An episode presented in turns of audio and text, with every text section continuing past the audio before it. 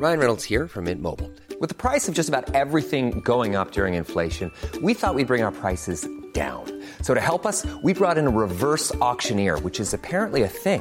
Mint Mobile unlimited premium wireless. Ready to get 30, 30, bit to get 30, bit to get 20, 20, 20, bit to get 20, 20, bit to get 15, 15, 15, 15 just 15 bucks a month. So, Give it a try at mintmobile.com slash switch. $45 upfront for three months plus taxes and fees. Promo for new customers for limited time. Unlimited more than 40 gigabytes per month. Slows. Full terms at mintmobile.com. Even when we're on a budget, we still deserve nice things. Quince is a place to scoop up stunning high-end goods for 50 to 80% less than similar brands.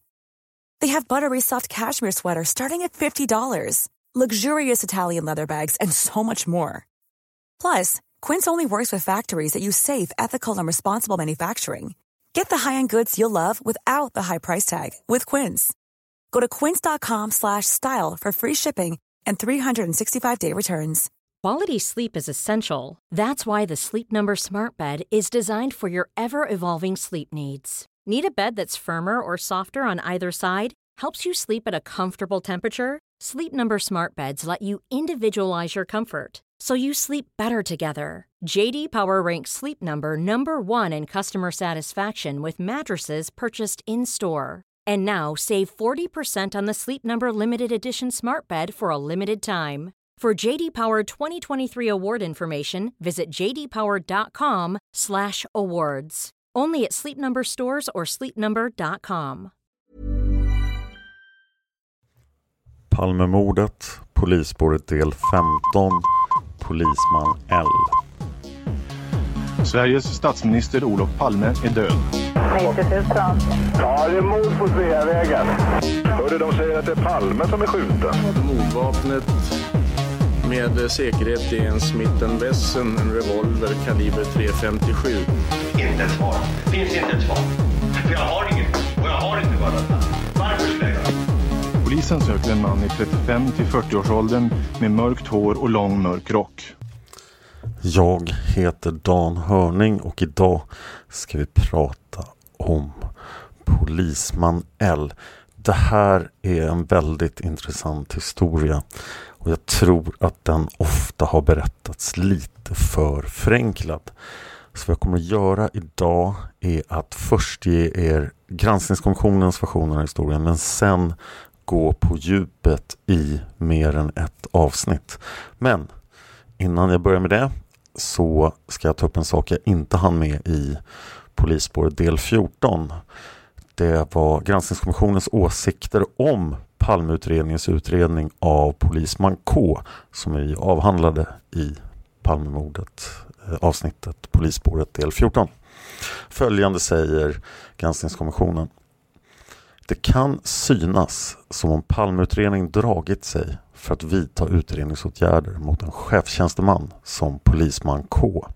Ingångstipsen innehåller inte särskilt mycket substans men väl så mycket som andra polisärenden där Palmeutredningen gått vidare med diskret efterforskning, slagning och även förhör. Efterforskning av alibi har således inte förekommit i ärendet. Polisman K fick inga frågor om sina förehavanden under det förhör som hölls på hans egen begäran. Tipsen inger samtidigt olust. Det är uppenbart att de kan ha kommit från någon som enbart varit ute efter att skada polisman K. I detta fall har ärendet i vart fall i det tidigare skedet föredragits för åklagare. I den meningen hanterades det i särskild ordning. Vi anser därför sammantaget inte att någon ytterligare utredningsåtgärd beträffande polisman K hade varit befogat. Innan jag går vidare måste jag prata lite om finansieringen av den här podden. Den lever som ni vet på era donationer via Swish. Skicka ett meddelande på Facebook så får ni Swish-numret. Och via patreon.com slash palmemordet. Patreon, p-a-t-r-e-o-n.com. Jättemånga av er har donerat där. Det är därför vi har möjlighet att göra den här podden varje vecka. Nu är vi långt över 180 veckor på raken. Vi inte har missat en enda onsdag. Men den här podden är också annonsfinansierad. Om ni har lyssnat på podden under eh, 2019 fram till nu så kanske lagt märke till att det inte har varit en enda annons. Det finns tre annonsplatser i varje avsnitt av Palmemordet. Men annonsförsäljningen går knaggligt och vi letar efter annonsörer. Så vet ni någon som vill annonsera, kontakta Nent Eh, som ju sköter servern och annonseringen på den här podden. Men om ni vill ha specifika kontaktuppgifter till nämnd säljare så kan ni också kontakta mig eller Palmemordet på Facebook. Ja, nu kommer vi till den ganska långa historien om polisman L och hans märkliga fylleresa tillsammans med författaren Lars L. Och först ska vi ta granskningskommissionens version och sen ska vi prata om andra källor. För i fallet polisman L finns det ett bra antal källor och jag vill tacka alla som har hjälpt mig att hitta de här källorna. De kommer huvudsakligen från privatspanare som fått ut dem från Palmeutredningen. Granskningskommissionen är ganska kortfattad om polismanell, men det är inte de andra källorna. Granskningskommissionen har sorterat polismanell under rubriken Utredning avseende övriga polismän med anknytning till polisspåret och det är H och uppåt. Så ni kan betrakta Granskningskommissionens version av den här historien som en kort summering av vad det här kommer att handla om. Men jag kommer alltså gå mycket, mycket djupare. Så här säger Granskningskommissionen. Polisman L hade efter Palmemordet företagit en uppmärksammad bilresa söderut tillsammans med en Lars L och det är alltså författaren. De hade färdats i en svart Mercedes med sotade rutor och dragit till sig uppmärksamhet. De hade vid flera tillfällen kontrollerats av polis. Varvid de hade lämnat motstridiga besked om sina förhavanden och planer. Lars L hade dessutom för egen del lämnat uppgifter om iakttagelser som han hade gjort före mordet. Parentes, han skulle sedermera också ange polisman L för Palmemordet. Slut parentes. Sammantaget var omständigheterna så anmärkningsvärda att polisman L och Lars L greps när de den 7 mars 1986 på sin resa anlöpte Malmö med färja efter ett besök i Köpenhamn. Polisman L hördes omgående och fick även delta i en konfrontation. Han släpptes därefter. Samtidigt med förhöret genomfördes efter beslut av chefsåklagaren KG Svensson husransakan i polisman Ls bostad. Polisman L uppgav i förhöret att han då Palmemordet begicks besökte ett nöjesställe i Norrtälje tillsammans med ett antal angivna personer. Uppgifterna kontrollerades och visade sig ge stöd för polisman Ls uppgifter. Inget annat som kunde ge grund för misstankarna mot honom framkom. I april 1986 beslutade Per-Göran Ness att det inte skulle vidtas några ytterligare utredningsåtgärder mot polisman L. Polisman Ls vapen provsköts dock drygt ett år senare. Enligt besked från SKL talade inget för att mordplatskulorna utskjutits ur revolvern i fråga. Uppgifter angående polisman L fortsatte att komma in från Lars L. Redan den tidigare utredningen hade emellertid, som det heter i Per-Göran Ness utredningsunderlag, visat att citat Lars L saknar trovärdighet.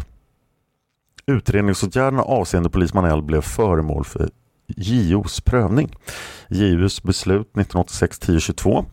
I en anmälan till JO i mars 1986 riktade polisman L kritik mot Säkerhetspolisen för dess ingripande mot honom. Per-Göran Ness kommenterade klagomålen utförligt. Han skrev bland annat citat. Polisman L har uttryckt farhågor att han kan få svårt att gå tillbaks till tjänsten som polis. Skulle dessa farhågor till någon del besannas torde emellertid orsaken därtill icke stå att finna i annat än polisman Ls egna förhållanden och icke bero på säkerhetsavdelningens handläggning av detta ärende. Slut citat. Eh, operativ chef Säpo PGNS. JO bedömde dels gripandet och förhöret den 7 mars 1986, dels den samtidigt företagna husrannsakan i polisman Ls bostad. JO godtog genomgående de överväganden Säkerhetspolisen hade gjort och fann inte att förhör, hämtning eller husrannsakan genomförts på något otillbörligt sätt. Polisman L, som inte synes ha återkommit till polistjänst, begick självmord i vittnens åsyn i oktober 1993. Granskningskommissionen har också granskat Palmeutredningen angående polisman L och om det säger de på sid 424 i sin utförliga rapport. Utredningen beträffande polisman L var mycket grundlig. Den har genomförts snabbt och lämnat ett för mordutredningens del tydligt svar. Någon egentlig brottsmisstanke mot polisman L fanns aldrig. Vapnet var visserligen Smith Wesson men inte av rätt kaliber. Dessutom var det vid tidpunkten för mordet beslagtaget av polisen. I efterhand ter sig utredningsåtgärderna bryska men det är svårt att peka på någon enskildhet där de gick för långt. Parentes jämför JOs granskning, slutparentes. Kollegornas tips, Lars Ls uppgifter och den märkliga bilresan gjorde det nödvändigt med en utförlig utredning. Och där tycker jag granskningskommissionen har rätt och nu ska vi försöka granska alla de här uppgifterna i väsentligt mer detalj. Och följande är källorna jag kommer använda för att försöka skapa ett kronologiskt narrativ av vad som hände Polisman L och Lars L. Men först och främst Polisman L. Följande källor har jag tillgå. En artikel från Aftonbladet 10 mars 1986, en artikel från Kvällsposten samma dag, en artikel från Arbetet den 11 mars 1986, en rapport om vapnet som tillhörde Polisman L polisman Ls egen handskrivna JO-anmälan plus Henning Sjöströms bilaga till den som då kanske är lite mer eh, juridiskt formulerad. Jag har eh, säkerhetsavdelningen på Rikspolisstyrelsens rapport om fallet polisman L. Jag har en del information om från Norrköpingspolisen Eh, jag har beslutet från justitieombudsmannen och jag nämner ju JO rätt ofta så att jag tänkte att det kanske är dags att definiera vad det är faktiskt. Det här är definitionen från riksdagen. Justitieombudsmannen, parentes JO, eller riksdagens ombudsmän som är det officiella namnet granskar att myndigheterna arbetar enligt de lagar och regler som styr deras arbete. Särskilt sådana lagar som berör enskildas rättigheter och skyldigheter i förhållande till det allmänna. Så när ni hör riksdagens ombudsmän då kan ni så ersätta det med JO. Jag har också ett utlåtande från Anders Wieselius från oktober 1986. Han har skrivit under som justitieombudsmannen. Jag har två anmälningar till polisen mot polisman L. En för skadegörelse märkligt nog på den 28 februari 1987. Och en om trafiknykterhet från den 9 september 1987. Och dessutom har jag då en hel roman skriven av författaren Lars L. För Lars blir ju under den här historien övertygad om att polisman L är Palmes mördare. Och för att understryka det så skriver han en hel roman om det.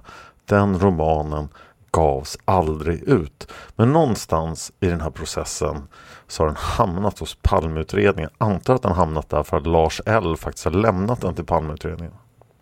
Men hela romanen begärdes ut av privatspanare och finns nu på min dator. Det här är anledningen till att de här avsnitten är så försenade. För jag har varit tvungen att kolla med fyra jurister hur mycket jag kan återge från Lars Elds bok. Och slutsatsen är att jag får återge korta passager samt sammanfatta den. Jag får tyvärr inte läsa hela boken, vilket jag gärna hade gjort. För det är en ganska bra skriven bok. Som har ett, eh, ja, det var intressant att läsa den. Det är alla våra källor vi ska använda. Det är inte riktigt alla, det finns några till. Men jag kommer nämna dem om jag går ifrån det här. Och nu ska vi försöka göra en kronologi över vad som faktiskt hände baserat på de här källorna. Den här historien tar sin början redan 1930 då den andra huvudpersonen Lars L föds.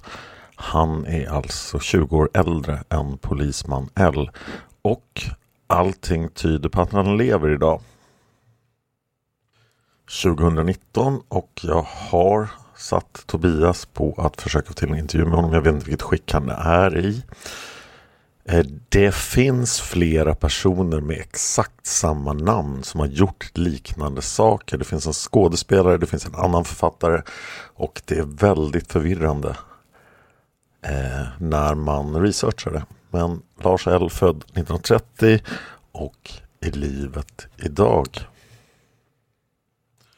Polisman L själv föds under första kvartalet 1950. Och jag blev förvånad själv när jag upptäckte att, att det var 20 år mellan de här. Och de gör den här jättekonstiga resan. Men eh, det kommer någon form av förklaringar på det i Lars Ls bok lite senare. Vi vet att polisman L är född i Övertorneå, Norrbotten. Hans personnummer innehåller rätt nummer för född i Norrbotten. Och eh, det går ganska mycket rykten om att han kan finska. Och det kommer förstås bli relevant när vi måste toucha historien om Dekorima-mannen i de här avsnitten om polisman L.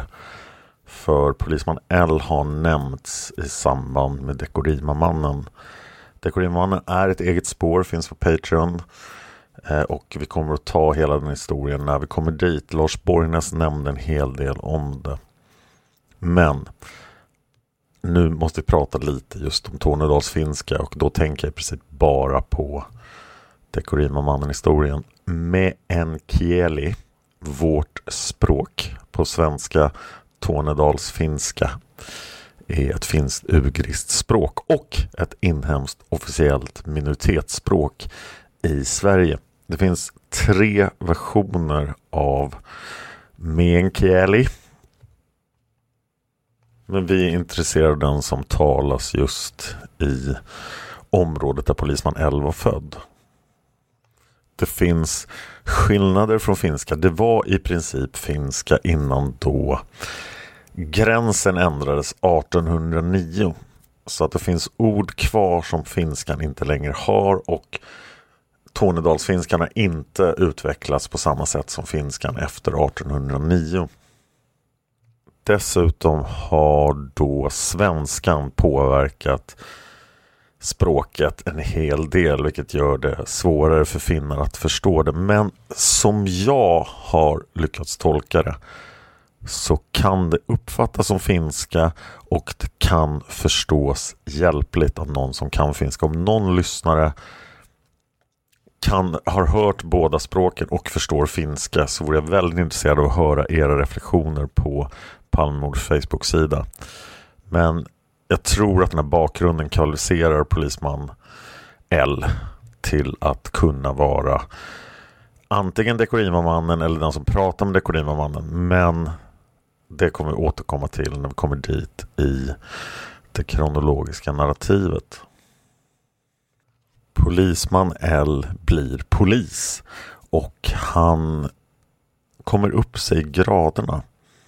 Han är alltså 36 år gammal vid Palmemordet. Men han är kriminalinspektör.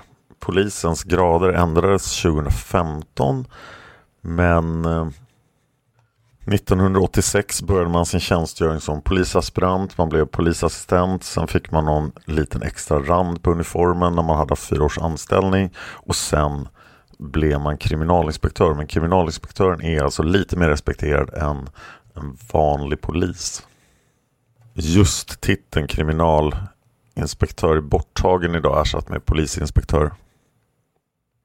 Det finns någon slags sjukdomsproblematik hos polisman L och den leder senare till att han blir sjukskriven och han är sjukskriven i samband med Palmemordet. Men exakt vad den här sjukdomsproblematiken är har vi inte lyckats ta reda på.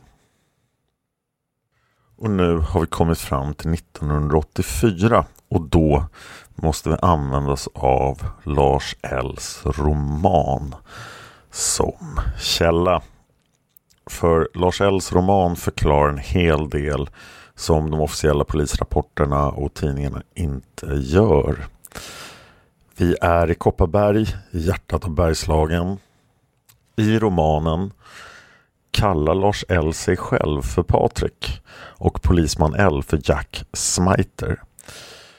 Så jag kan råka använda de namnen men Patrik är alltså Lars L och Jack Smiter är polisman L. Lars Ls roman börjar hösten 1984. Han är vid Finnfall i Bergslagen och på en gård som brukas av den 80-årige kung Arthur.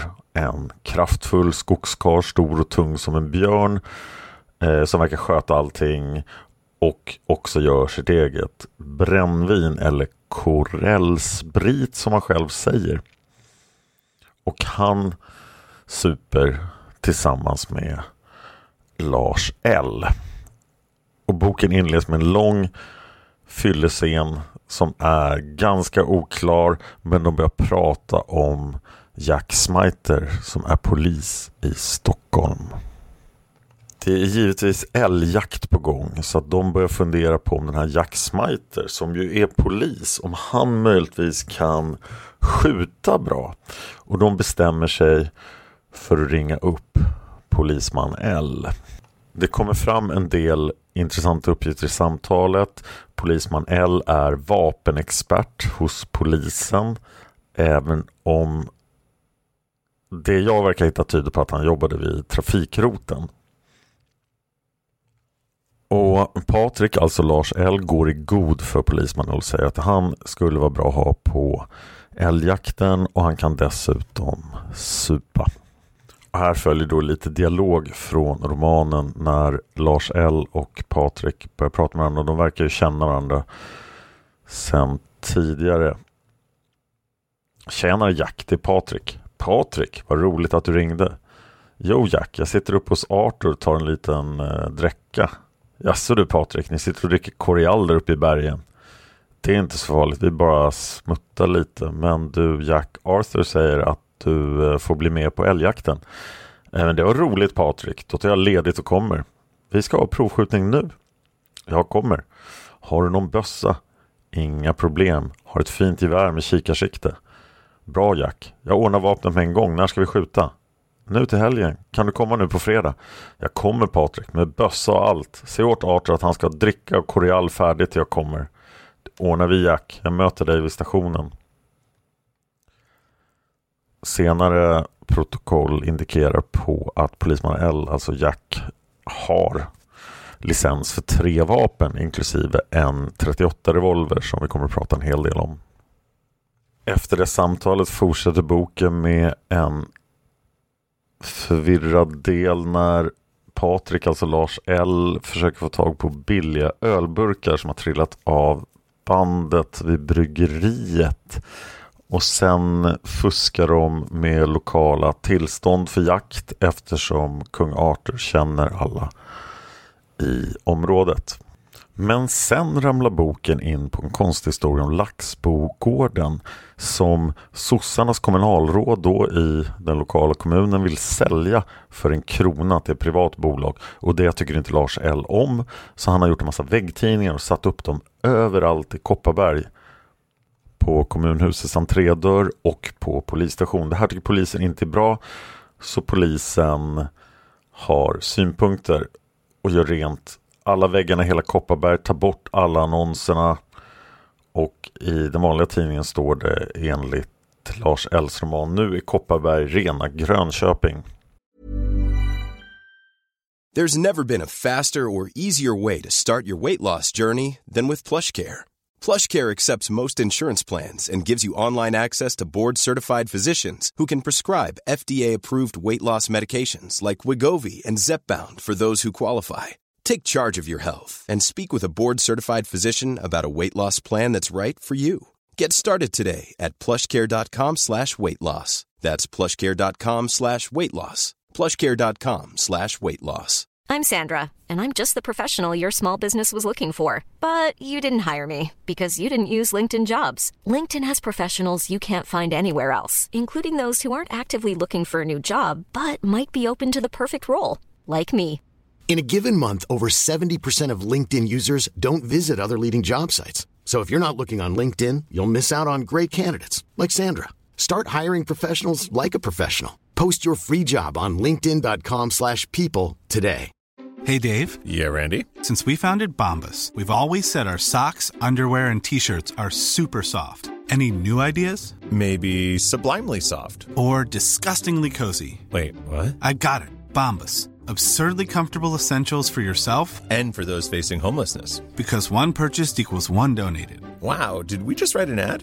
Yes. Bombas. Big comfort for everyone. Go to bombas.com slash ACAST and use code ACAST for 20% off your first purchase.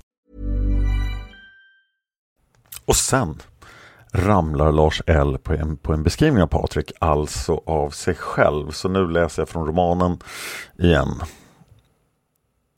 Mannen som kommer ut ur Arthurs hus är lång och gänglig. Håret är mörkt som på en tattare med mörka brinnande ögon. Han är en medelålders man men han rör sig som en yngling och han är alltså 56 här. Hans röst är mörk, kraftig och mycket distinkt. Han ger ett intryck av att vara drömmare och filosof. Är Patrik en som uppsöker äventyret, en som utmanar ödet på dödlig duell, en som prövar gudarna och frestar deras tålamod?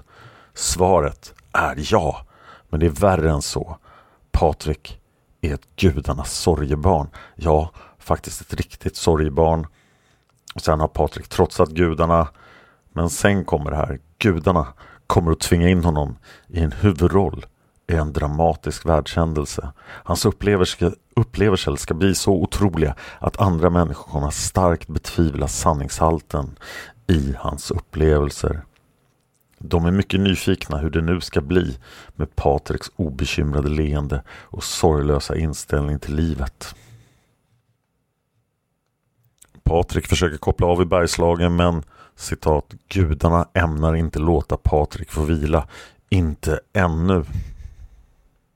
Lars Els fru kommer in.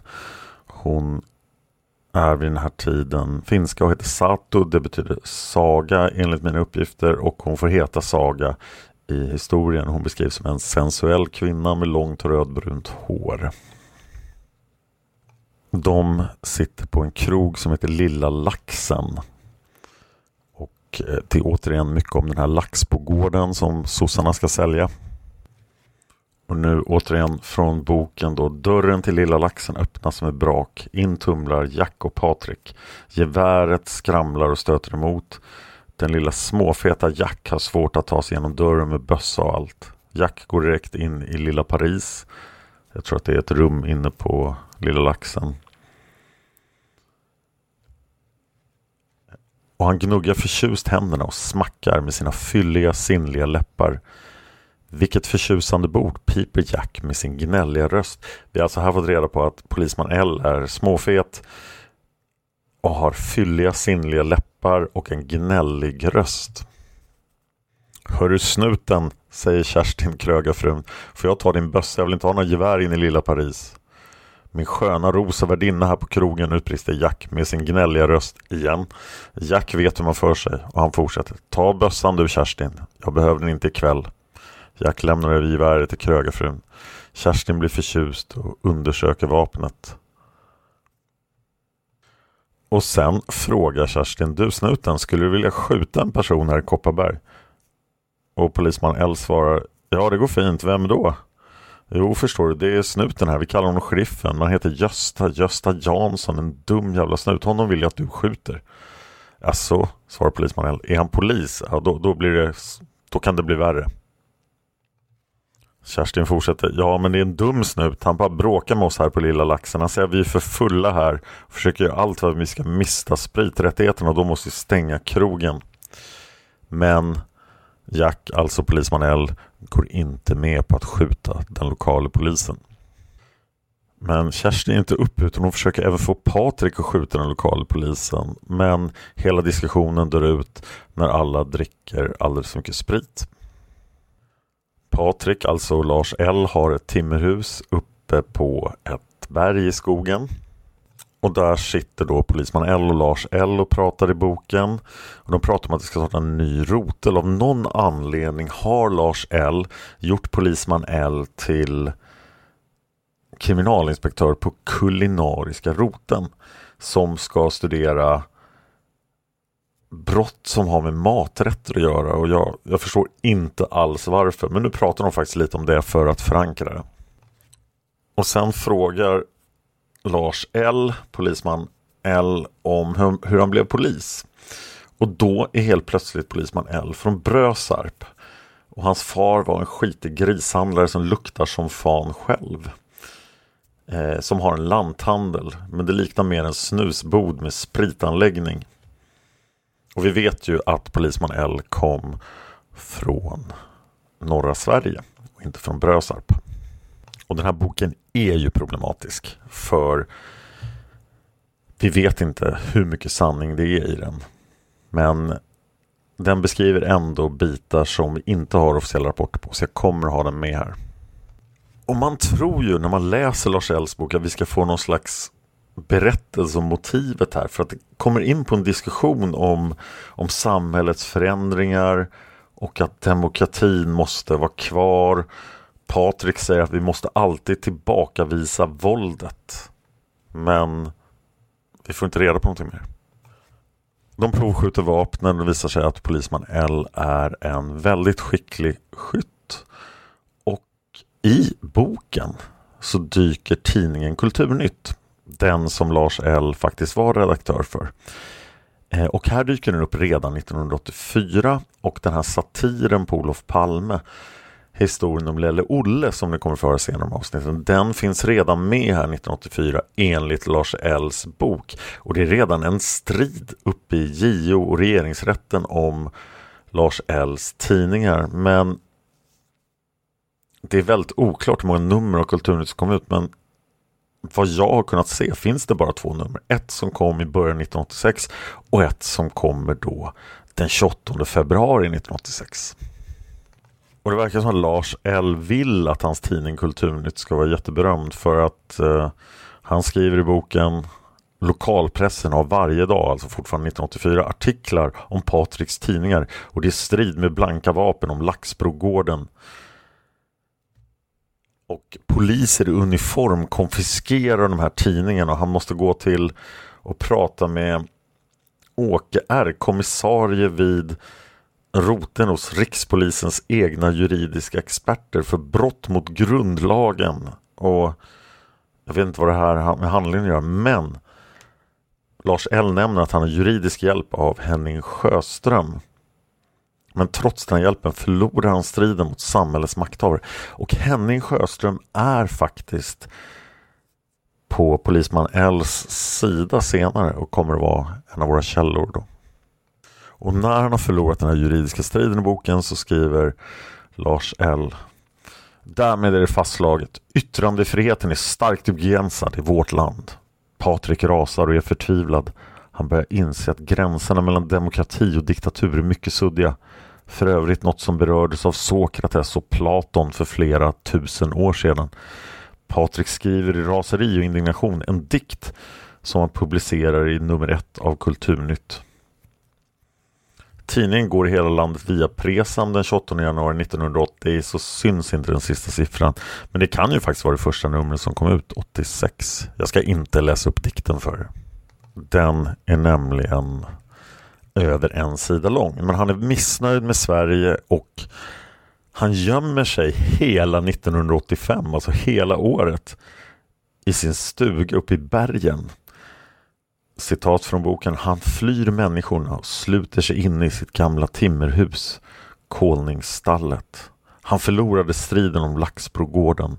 Den såldes för en krona till privat byggnadsbolag i Lindesberg. Och han förlorade striden om rätten till sin väggtidning. Han mötte sitt nederlag hos såväl JO som regeringsrätten.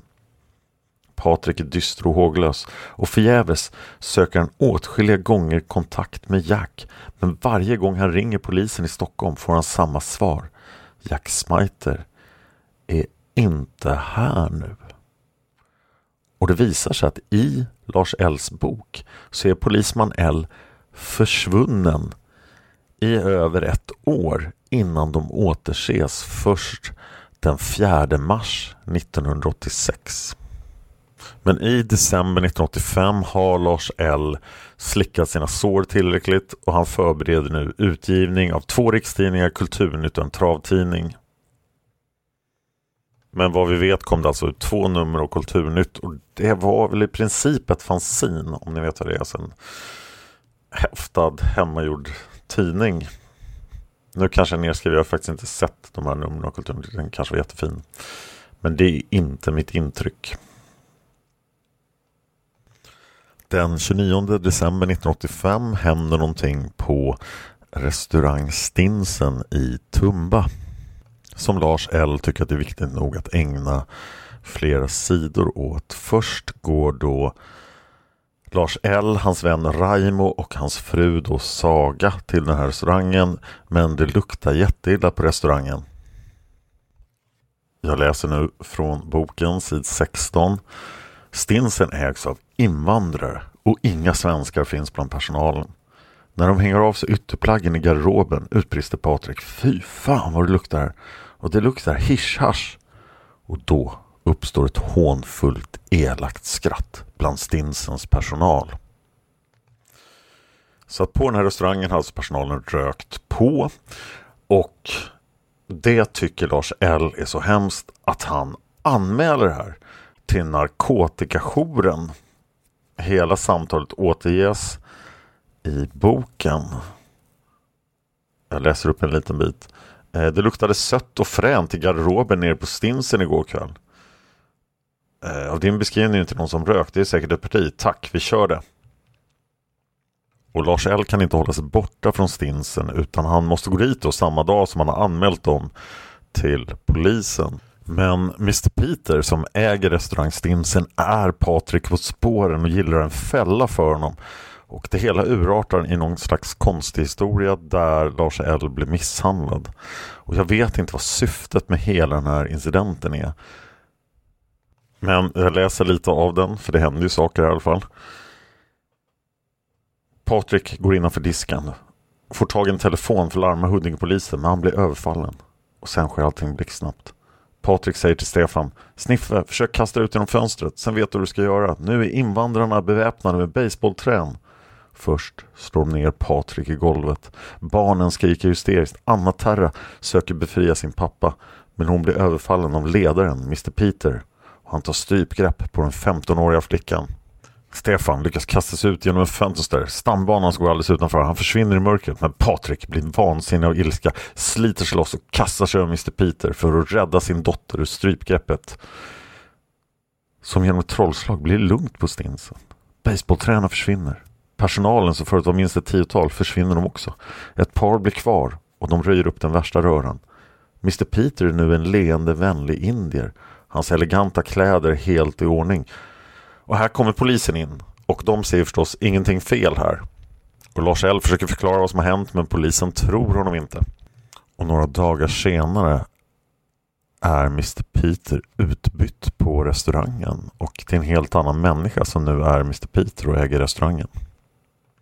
Läsen från boken på sid 19. Ja, så kan det gå till, tänker Patrik. De stora hajarna kommer alltid undan på ett eller annat sätt. Rikskriminalen övertalar Patrik att inte göra anmälan mot ligan. Men säger att Patrik ska skicka en skriftlig ursäkt till den nya Mr Peter. Och Patrik skickar en ursäkt telegramform med kopia till Rikskriminalen. Men de är inte alls nöjda med Patriks formulering av telegrammet. Men Patrik ger inte upp. I tysthet jobbar han vidare med Maharadjan. Patriks material leder så småningom till att ligan kan stoppas. Men Mr Peter kommer undan. Och från senare incidenter och rapporter vi faktiskt har som inte kommer från den här romanen så verkar det lite grann som att Lars L upplever sig vara i kontakt med kriminella och vara inblandade i historier och så här. Och det, vi kommer tillbaka till det senare. Men nu är vi framme vid 1986. Närmare bestämt den 6 januari. Och det här har Lars Borgnäs grävt i. Och jag läser nu från en iskall vind, sid 386. Och det här rör då polisman L och inte Lars L. Borgnäs säger citat en annan omständighet kring polisman L var att hans bil några månader tidigare, närmare bestämt den 6 januari 1986, påträffats olåst på Regeringsgatan i Stockholm. I bilen låg hans revolver av kaliber 38 special laddad med fem skarpa skott. För detta hade han inte fått någon bestraffning men det olämpliga i det hela hade påtalats för honom. Senare händelser fick Säpo att gräva i det här och i PGNS rapport så kan man läsa följande. Enligt promemoria av två polismän hade vid 01.00-tiden 1986-01.06 en polisman L tillhörig Volvo Duett påträffats parkerad på tvären precis framför ett övergångsställe vid Regeringsgatan 66. Polismännen tittade närmare på bilen och kunde då konstatera att höger ventilationsruta var borta och istället var täckt med tidningspapper. Kablarna till tändningen hängde löst under ratten. Samtliga dörrar var olåsta. Polismännen kontrollerade bilen via datan. Den var inte anmäld stulen. Inuti bilen låg det diverse saker i en enda röra. Bland annat kakelplattor, filtar, konservburkar, oljeflaskor och bakom förarsätet under en filt låg det en portfölj. Portföljen innehöll en revolver, kikare, diverse papper tillhörande bilens ägare. Revolvern, som låg i ett öppet hölster, var fabrikat Smith Wesson kaliber 38 laddad med fem patroner. Fordonet bärgades och vapnet omhändertogs. Under den följande utredningen medgav polisman L att han själv hade disponerat fordonet vid tillfället och glömt kvar den laddade revolvern i bilen. Under den nu verkställda utredningen kunde konstateras att vapnet ännu 1986-0307 fanns kvar hos kriminalpolisen i Stockholm varför det inte kunde vara aktuellt i mordutredningen. Så att revolvern konfiskeras och polisman L har inte tillgång till den när Palme mördas. Här står det att det var en 38 Smith Wesson. Eh, Lars Borgnäs sa att det var en Smith Wesson kaliber 38 special. Men i ett av sina program har ju Borgnäs visat att man med en del pyssel kan skjuta 357 kulor ur en sån här revolver. Så att det här skulle då eventuellt kunna vara mordvapnet om då den inte hade varit i polisens förvar under den 28 februari. Och man kan ju verkligen fråga sig vad som har hänt här. Varför har polisman L övergett sin bil olåst och med en revolver i en portfölj på Regeringsgatan i Stockholm? Det här är inga jätteödekvarter, det är nästan precis fram vid bron över Kungsgatan. Och vad är det som pågår här? Det var allt för det första avsnittet om Polisman L. Men vi närmar oss den 28 februari 1986 och kommer att hända saker. Om du lyssnar på Palmemordet på en Apple-plattform så vill jag gärna att du går in på iTunes och skriver en recension. Jag har ju lovat att jag ska läsa upp de recensionerna och jag har fått recensioner från norska iTunes. Det är nämligen så att som svensk kan man inte se iTunes i något annat land utan att hoppa genom en massa cirkusringar. Men om ni är i ett annat land, och då tänker jag främst på Finland och Danmark, för jag vet att jag lyssnar där, så skicka mig gärna screenshots på hur läget ser ut på iTunes, kan jag läsa upp det också i podden. Och nu ska jag läsa upp de två norska recensionerna. En kommer från Alec nu. Rubriken är Min favoritpodd, fem stjärnor. Detta har blivit min favoritpodd och episoderna med Dan är informationsförmedling på sitt bästa. Sen en recension från Lillo Togg som också ger fem stjärnor. Modern historieförtällning. Väldigt detaljerat och grundligt. Anbefalles. Jag tror att det är bra. Tack kära norska lyssnare. Vi har ju svenska recensioner också. Här är Mo Supreme som har gett rubriken Mycket bra podd, fem stjärnor. Gillar att alla spår presenteras på ett neutralt sätt. Att lyssnaren själv får ta del av väl researchat och sammanställt material. Jag har lyssnat på alla avsnitt, har själv inga egna tankar om vem som mördat Palme. Men denna podd ger mig mycket intressanta inblickar i polisens arbete med fallet samt de olika spåren, vilket räcker för mig. Välgjort och grundligt. Bra att ni lyssnar på oss lyssnare och tar upp samt tar till er av kritik och beröm. Fortsätt med detta arbete.